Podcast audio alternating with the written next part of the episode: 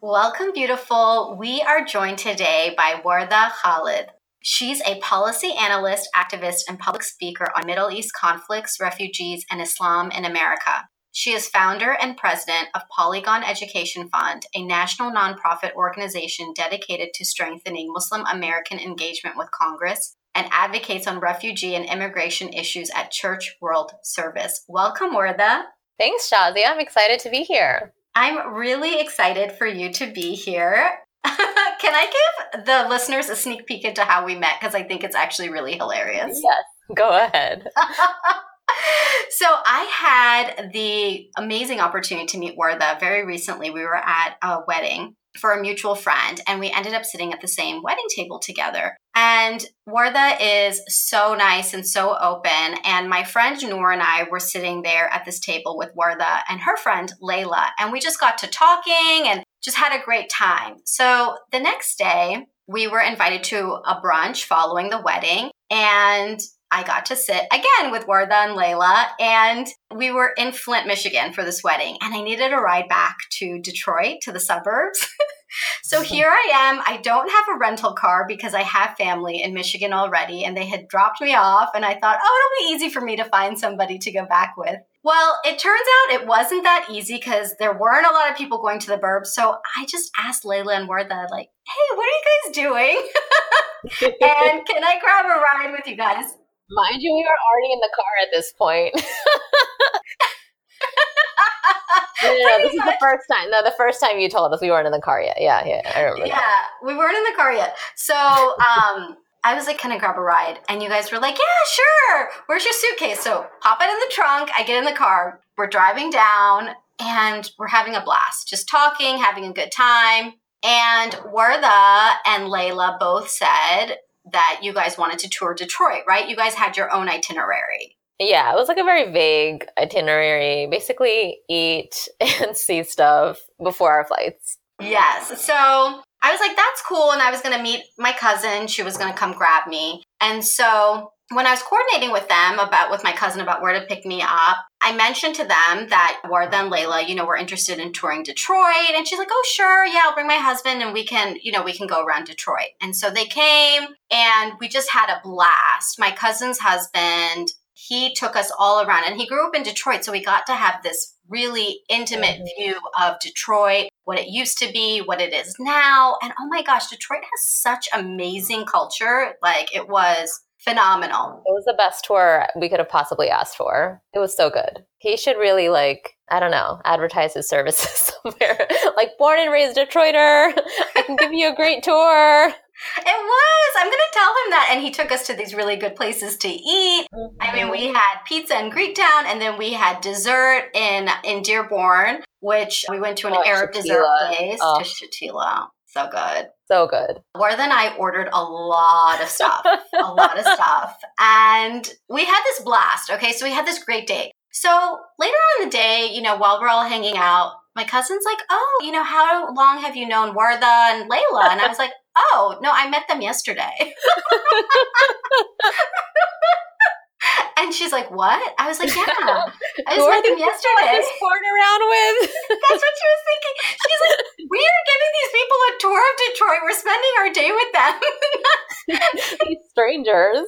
yes, and everybody had a blast. She, you know, she had a blast. My cousin's husband had a blast. We all had such a good time, and she and she was just laughing. And she's like, "Only you, Shazia, who could like go out and just like get people like to be friends with you and then bring you down to Detroit. And I was like, no, it's because they're really nice. I'm like, yeah. they're so nice. So no, to be fair, we had our mutual friend whose wedding we went to. So it's like if, she, if they're a friend of hers, she's probably a cool person, right? So it's like it wasn't completely random. They were already vetted by our mutual friend. So very true, very true. Because I would hope that neither you or I would offer a ride to a complete random stranger for like two hours. Yeah, I don't. I don't know if I've done that. I've definitely done things where I'll like go to things and just meet new people and hang out with them. But I don't know if I would take them all the way to Detroit. so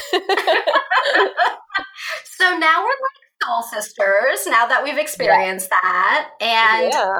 I got to learn so much about Wardah on this trip. And the work that she's doing is huge. It's really big. And I'm going to give the listeners a chance to hear directly from you, Wardah, but I just wanted to let you know that what you're doing is going to be very impactful for Muslims in America, especially. So please share what is it that you do? Yeah. So, well, thanks so much again, Shazia, for having me on. And as far as what I do, I am just, you know, I think I wear a lot of hats to be sure, but I think the common thread within those hats is just using my time, my talents, the blessings that I've been given to try to make the world a better place in whatever area that might be. And I think that's why I'm so comfortable doing a lot of different things because I just feel like as long as I'm being useful, it's, you know, worth my time or it's worthwhile for other people. So you mentioned this in my bio, but my day job is working on refugee and immigration advocacy. So all of the things going on with the Muslim travel ban, the family separation at the border, the refugee arrivals dropping drastically in the last year. I'm kind of working on that, working on the advocacy team here to change the public perception about refugees and working with national security experts and former refugees to show that, you know, refugees are not actually a safety threat to the United States. We have a very long history of welcoming refugees in the United States States as well as immigrants. You know, much of this country was built by immigrants. And so, you know, sharing that narrative to kind of shed these misconceptions and this fear that is, you know, kind of fueling these kind of policies. So I work on that. I also do some national security and foreign policy analysis on some of the Middle East conflicts, like Israel Palestine conflict, like Syria. And I also, as you mentioned, started an organization called Poligon Education Fund to teach Muslims and allies how to engage with Congress. And the reason why I started that was because I was doing it before I started a fellowship working at a Quaker lobby. And I don't know if your listeners have heard of Quakers, but there's this very small Christian group in the United States, less than 75,000 people here. And they have really immense um, lobbying power on Capitol Hill. They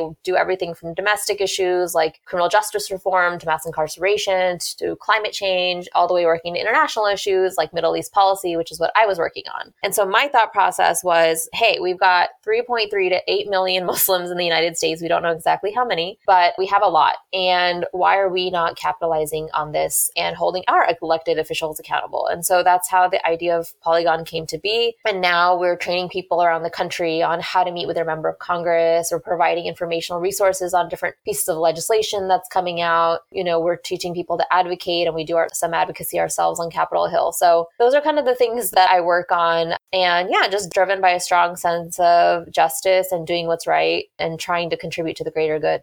Mm, Okay, I want to come back to this piece about the lobbying. I, I, know that's a big part of your vision because we really don't have a strong lobbying presence for Muslims mm. in America. That's probably one of our weakest points. Yes. And like you said, there's a large population, but it doesn't seem like we have a voice or an organization that can go and lobby on our behalf. And that's something really important when it comes to politics, no matter what group you're part of. Whoever has the strongest lobbying arm tends to get the best decisions for their group. Yeah, absolutely. And I mean, we see there's different lobbies for everything. You know, people are advocating for animal rights, they're advocating for about climate change, whatever issue you care about, people are caring. And, you know, the hard thing with the Muslim community is that, you know, there's no like one issue that everyone can always agree on, or especially foreign policy is very divisive. But what we've started out on is domestic policy for things that kind of tie in with our faith values as well as what Muslim Americans have already identified in studies as some of their top priorities. And those are things like the economy, jobs, national security, kind of the same issue concerns that Americans that don't happen to be Muslim have. And so that has really helped us in kind of setting an agenda. And so the idea though is for it, folks, like whatever issue they might care about, we just give you the skills to be able to advocate on that. And so even if you don't agree with all the policy positions we take, you can still go and advocate on, or maybe we're not even talking about those things yet. You can go and advocate with the skills that we teach you. Okay, so you're doing training as well. You're not necessarily doing the lobbying, although it sounds like you yeah, can. we're a 501c3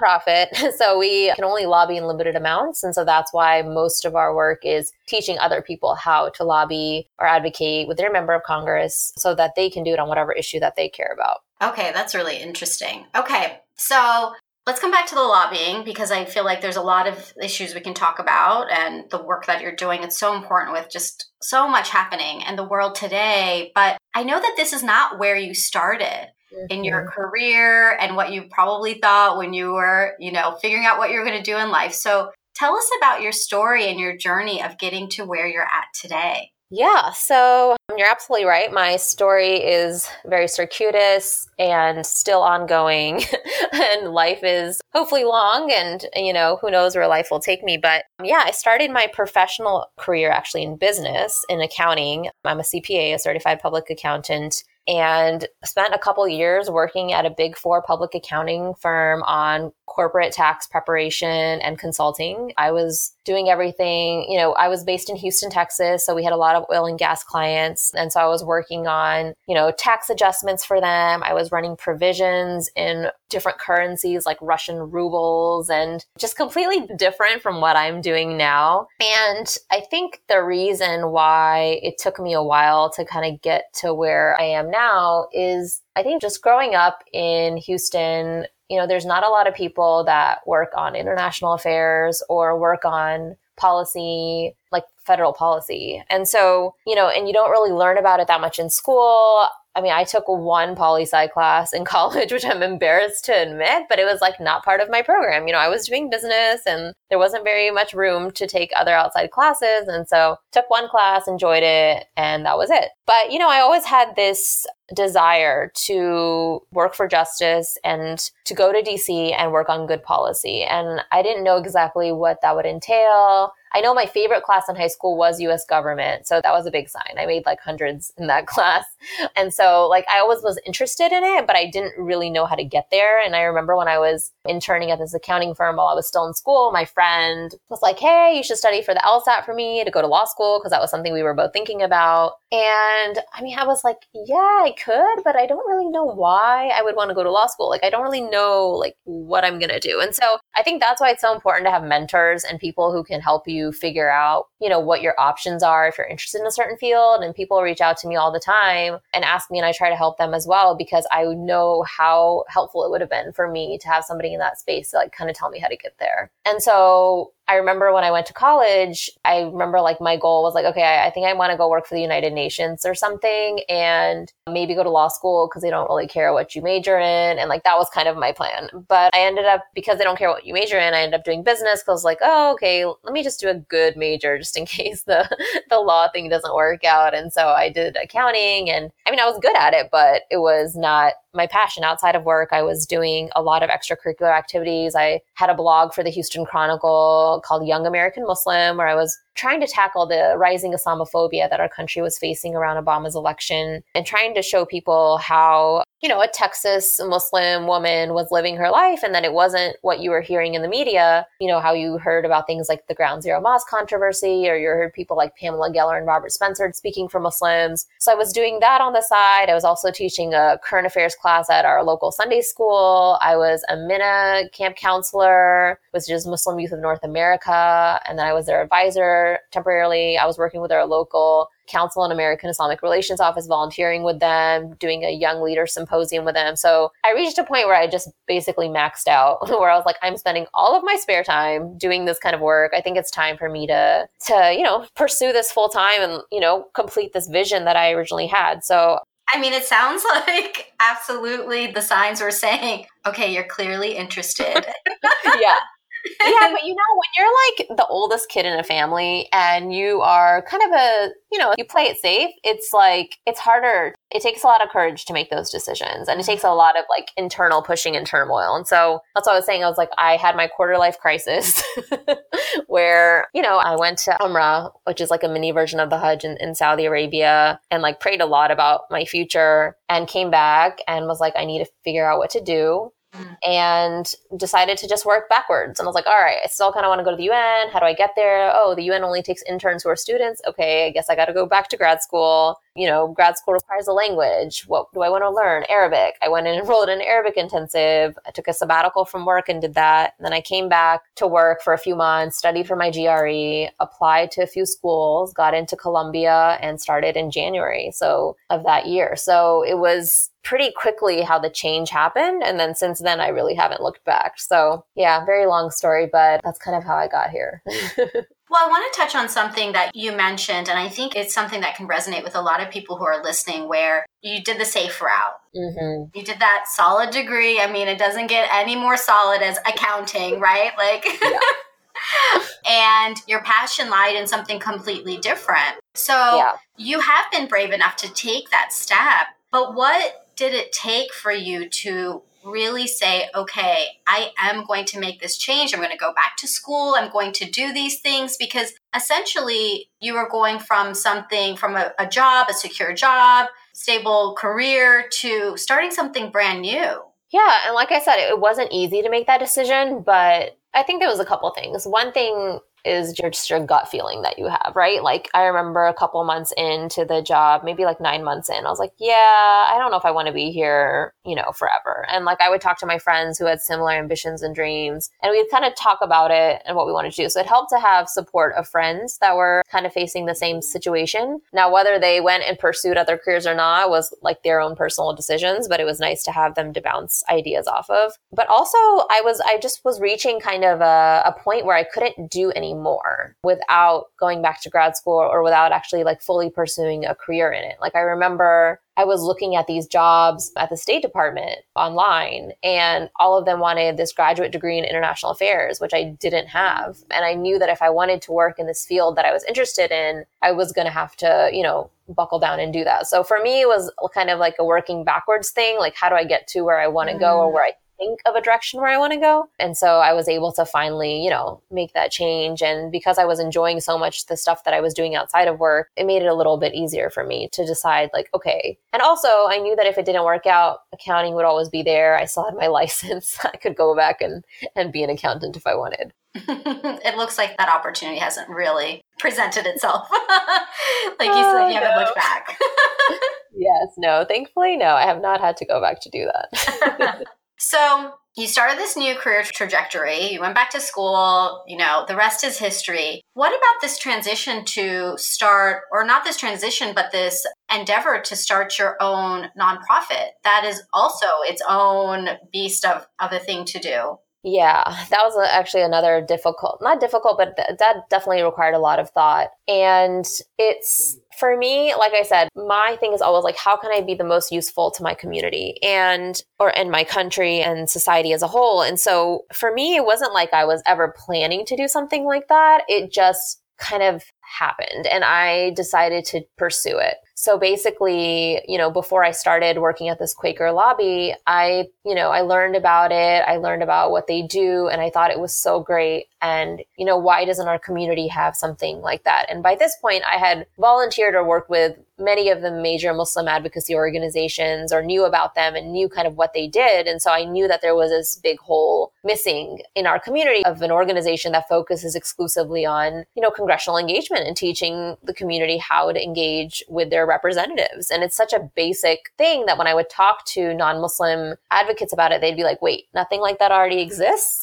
and they would be so confused. And I was like, no, like this is just not something that we grow up learning. Like maybe we'll hear that it's important to vote, but like visiting your member of Congress and, you know, calling them, like, what is that? Like, that's not just something that we hear growing up. And so it's not like I just bounced into it. I did a lot of market research before deciding to pursue it. You know, like I, I spent months calling people, different leaders in the community, even people outside the community, figuring out why this hadn't, you know, why this kind of organization hadn't been made before. What was it was stopping people? What are kind of the challenges that we face right now in the current political climate? And so based on that, you know, that is kind of what helped me realize like, okay, this needs to start. And then at that point, it's kind of like, you know, are you ready to start it? And do you have the skills to start it? And I was one of the few people in the community that actually knew how to do this stuff. And so I knew that I was in a unique position that I could either take that knowledge that I had gained and just progress in my own career, or I could, you know, disseminate that knowledge to my community. And so I decided to go with the latter and put together a team of people to help bring that vision to life. And, you know, and that's kind of how it happened. Hmm. And what did it look like to start? I mean, take us behind the scenes. There was a lot of planning that we did in the background. So we launched in January of 2017, but you know, this first idea that came about, I had that idea in late 2014, like the very end of 2014. So there was a period of time in between where I, as I mentioned, was doing all the market research and stuff. And then when I brought the team of people together, then we started working on things like, you know, building out our website. Like I'm like the whole website I put together and, you know, coming up with policy briefs and things to put on that website. And then we did a lot of behind the scenes, like all the incorporation paperwork and everything. We did that all before we launched. A lot of nonprofits will launch first and then they'll take care of that later. But we wanted to have all of our ducks in a row just because it was very clear what our organization needed to do. It was very clear what the need was. And so we wanted to be able to hit the ground running. So we spent a lot of back time, you know, just preparing things like that. And then when we finally launched, which was in January of 2017, right before the inauguration, people were really excited about it because, you know, we'd had this very divisive presidential election and people were like, wow, this is perfect timing. I can't believe, you know, this is so great. You guys are doing this. In the back of my mind, I'm just laughing like, well, actually, this has been a project that I've been working on for years, but I'm so glad that you recognize the benefit of it now. And so, yeah, so we launched and then immediately hit the ground running doing trainings and, you know, webinars and getting out policy briefs and things like that. That's great. And so, for anybody who wants to learn more about this specific organization, how can they find out more about it, how to train, how to be more involved? You can go to our website, which is poligonnational.org, and Poligon is spelled P O L I, like politics or policy. So it's poligonnational.org. We have a tab on there called trainings where you can kind of see what we give in our trainings and how you can reach out to us to schedule one. You can also like our Facebook page, which is Poligon Education Fund. And then our Twitter is also at Poligon National. And we have an Instagram too at Poligon National. So you can go there and check out all of our stuff. We just did this great training with some elected officials in Houston recently, and it was really cool. So we've got a Facebook Live video of that that folks can check out. That's great. And we'll put that in our show notes too. You can find that at thelifeengineer.com slash podcast slash Wardah, which is W A R D A H. And we'll put links to all of those there. And I want to segue now, Wardah, to hearing about the work that you yourself are continuing to do, because I know that you also have your own platform. I know that Poligon is a big part of what you do, but I know that there are also other things that are near and dear to your heart as well. Yeah, absolutely. So I've been, like I said, I started kind of in the public sphere as a religion blogger, working, you know, for the Houston Chronicle. So, writing for the Houston Chronicle. And that kind of, you know, connected me to this work on Islamophobia and how it impacts our policy. You know, at that time, I think we were in the Iraq war and seeing how the impact of such foreign policy was affecting Muslims abroad and in the US. So that's why I've continued to try to work towards, you know, making good foreign policy as well as the people that are affected by that, such as refugees. And so that's, you know, something that's very meaningful to me. And so whenever I get a chance, aside from my day job, I try to help out in the community as well. And then I do a lot of kind of speaking engagements and trainings with folks, student groups and, you know, community organizations that want to learn things about like how to talk to media or, you know, how they can think about foreign policy or terrorism or you know how it's presented versus what are the facts so i do a lot of, work like that as well just to you know to keep the community engaged and informed about what's going on around them. Well let's talk about islamophobia for a moment because it's definitely an issue that has hit close to home for many of us and it, it can feel like it's growing or it's so big. I mean, do you have any insight for us or any, even just your reflections on what is happening with Islamophobia, especially in the West? And what can we, as either a Muslim or a woman who cares about a fellow Muslim or about the greater community at large, what are some things that we can do? That is a great question. So, I think the first thing to understand, and most importantly about Islamophobia, is that Islamophobia is a very calculated, multi million dollar initiative. It's not like it just fell out of the sky and all of a sudden people started hating Muslims. It is very entrenched in our foreign policy, our domestic policy, to marginalize a certain faith group or an ethnic group. Often Arabs and people who appear to be Arab or Muslim are affected by Islamophobia. And, you know, it's a way to marginalize this community. And so I think for people to recognize that is very helpful and to get out of this kind of victim mentality mindset that can happen when you're constantly facing attacks or pressure or things like that. So understanding that can be very empowering or at least informative for folks. So when I mentioned earlier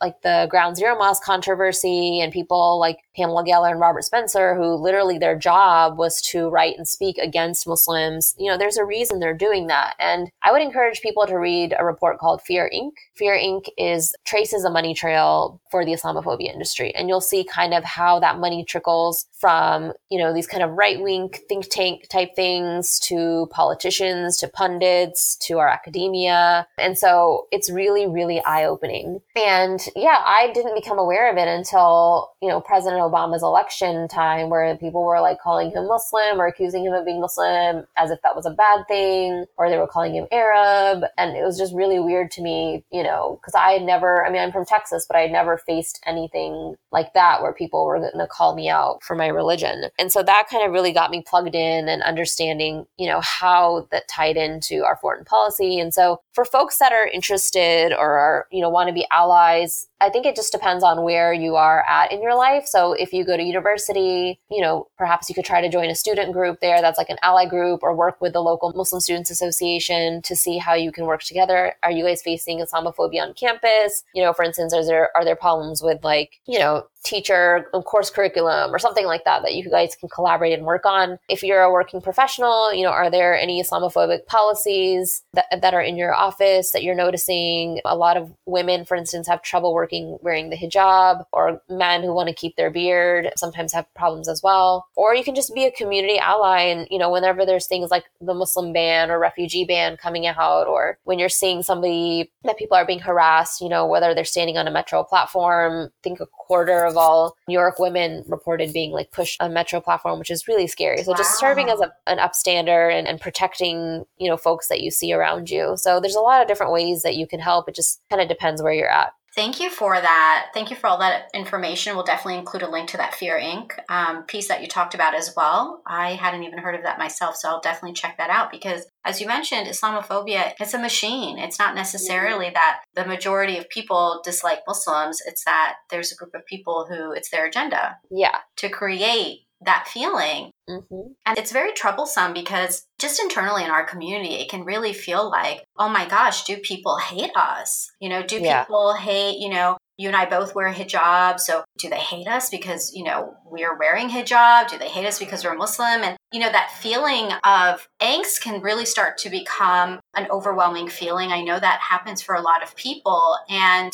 I'm not sure about you, Wardah. I mean, I know my philosophy is that I try to remember that each person is an individual and really remember that. Because if I started to think about do people hate me, I think I could get really lost in feeling like that versus knowing that as individuals, people, in my belief, everybody wants to be seen, be understood, feel loved. I don't think that anybody wakes up in the morning and is like, oh, I can't wait to like kill a Muslim today. You know, I just I don't think that's the majority of people. Yeah. yeah, hate is definitely taught. I mean, you know, you see, for example, of, you know, kids are taught to hate. Kids are taught to, you know, consider, you know, if they see like a different race, you know, there's been studies done where kids themselves, I think it was like a doll study where kids are taught that the white doll is prettier than or better looking than the black you know doll. And so it's like all of this is taught by society by the media by people's the community parents things like that. And so i think it's really it is good to see people as individuals but also to see that there is a whole system in place that is you know is orchestrating to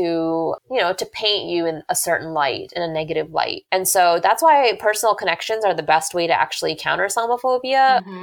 studies show that people who actually know muslim have a much higher opinion of them, but the only of Islam and Muslims. But the problem is that only one out of three Americans knows a Muslim. So wow. there's a lot of work to be done in just getting our community out there. So it's not like there's no responsibility on the Muslim community either. You know, we have responsibility to get out there and show what our community is actually about. And it doesn't necessarily have to be explicitly like this is a Muslim event or anything, but you know, if you're going and volunteering like at a soup kitchen or on Thanksgiving, like I remember I would go and help in Houston and, and feed the homeless there where they were doing on Thanksgiving, like just stuff like that. And the fact that I was just showing up in my scarf, like Mm-hmm. It wasn't a, the event wasn't about being Muslim, but it's like, oh, you've got a Muslim here who cares about feeding the homeless. Got it. You know, so it's like it's just about being present and you know being yourself, being an individual, but also keeping the greater goal in mind. Absolutely. And I love what you're speaking to because it's about being a global citizen. I mean, we're a part of this world. And as much as we don't want to be defined, I know for me and one of my recent guests, she was saying this too, not wanting to be defined by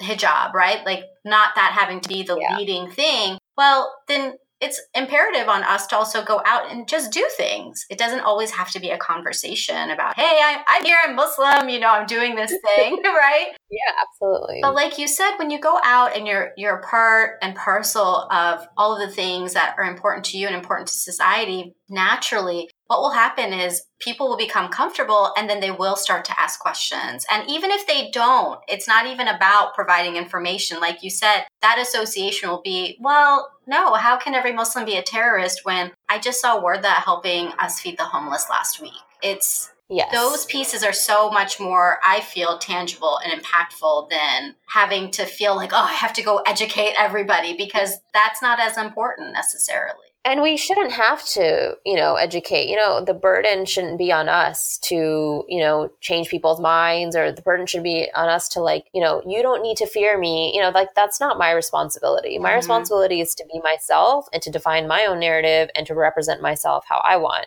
and you can either get on the on board or not you know? That's why like now whenever i see like a terrorist attack happen i see people like oh muslims need to condemn this i'm like no i really don't because by condemning it i'm acting like i have some sort of affiliation with this when i really don't and my religion does not. And so you know that's why it's kind of just like you need to do your own thing and you know people who are going to want to learn are going to be able to learn by just getting to know you as a person versus you always having to like speak from this islamic lens or like lens or whatever because you're just falling into the narrative that you know the other side wants you to be a part of absolutely i couldn't agree with you more i mean i stopped being apologetic such a long time ago because the last thing i am is anything harmful to anybody it's my mission to Mhm. create a collaborative environment to really make a difference in this world. And I can't spend my time apologizing for something that I literally had nothing to do with.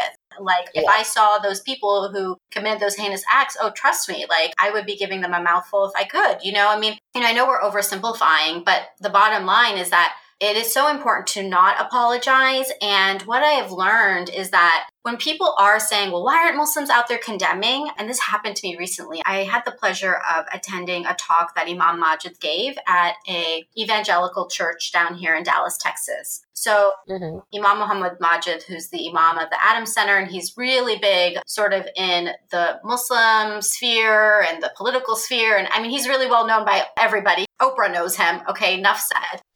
you know you've made it when oprah knows your name Exactly.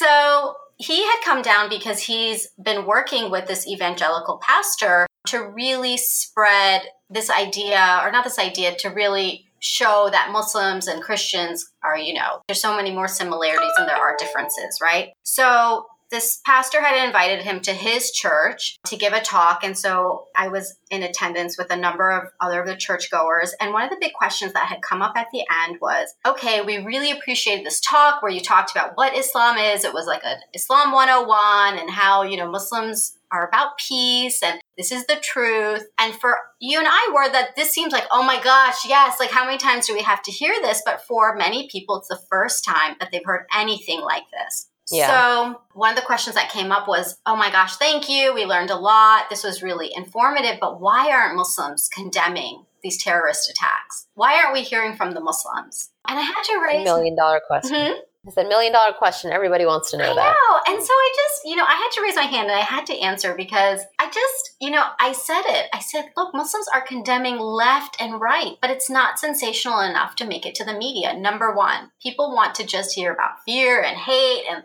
you know, the news is so sensational now that hearing that the mosque for the umpteenth time has condemned something is not of interest. And so I told them about this website, and I want to let listeners know about this website as well. It's called MuslimsCondemn.com. yeah You know about it, right? oh yes i know about it this young college woman, she decided to do something about it. Similar to you were, that's like, let's, you know, let's put our money where our mouth is and do something. So she had kept hearing this rhetoric of Muslims aren't condemning. So she went and she gathered all of the articles and links and everything to anything that showed that Muslims are condemning terrorism. And I believe at the time it was like she did a Google spreadsheet and there were literally like 10,000 line items. Not like, not pages from the articles, line items of links. Imagine like thousands of links that could be clicked on to show Muslims are condemning terrorism. Yep. so it was so nice to say, okay, here's a resource. This is why it's so important to have resources and organizations within our community because when I gave that website that day, people were writing it down and they were like, thank you. Because the rhetoric yeah. that they are getting over and over is that Muslims are not doing it. So they're in their silo of getting the same information coming to them over and over, and they are generally good people. And if we can just spread real information, it can make all the difference. Yeah, I love that link for the same reason. And so whenever people like, I get a lot of trolls on Twitter that'll tweet at me. And so I always just hit them back with that link because they're like, why aren't Muslims condemning? I'm like, here you go. Here you go. Read this and then get back to me, you know? And so it's like, it's just like facts. You know, of course, not everyone's going to be swayed by facts, as crazy as that sounds. People are swayed by what they want to be swayed by. But for people who are asking that point blank question, here's a point blank answer. Now you do what you want with it. So it's really great. I'm really glad you put that together. Yeah, it's fantastic. And the website's so easy to muslimscondemn.com. So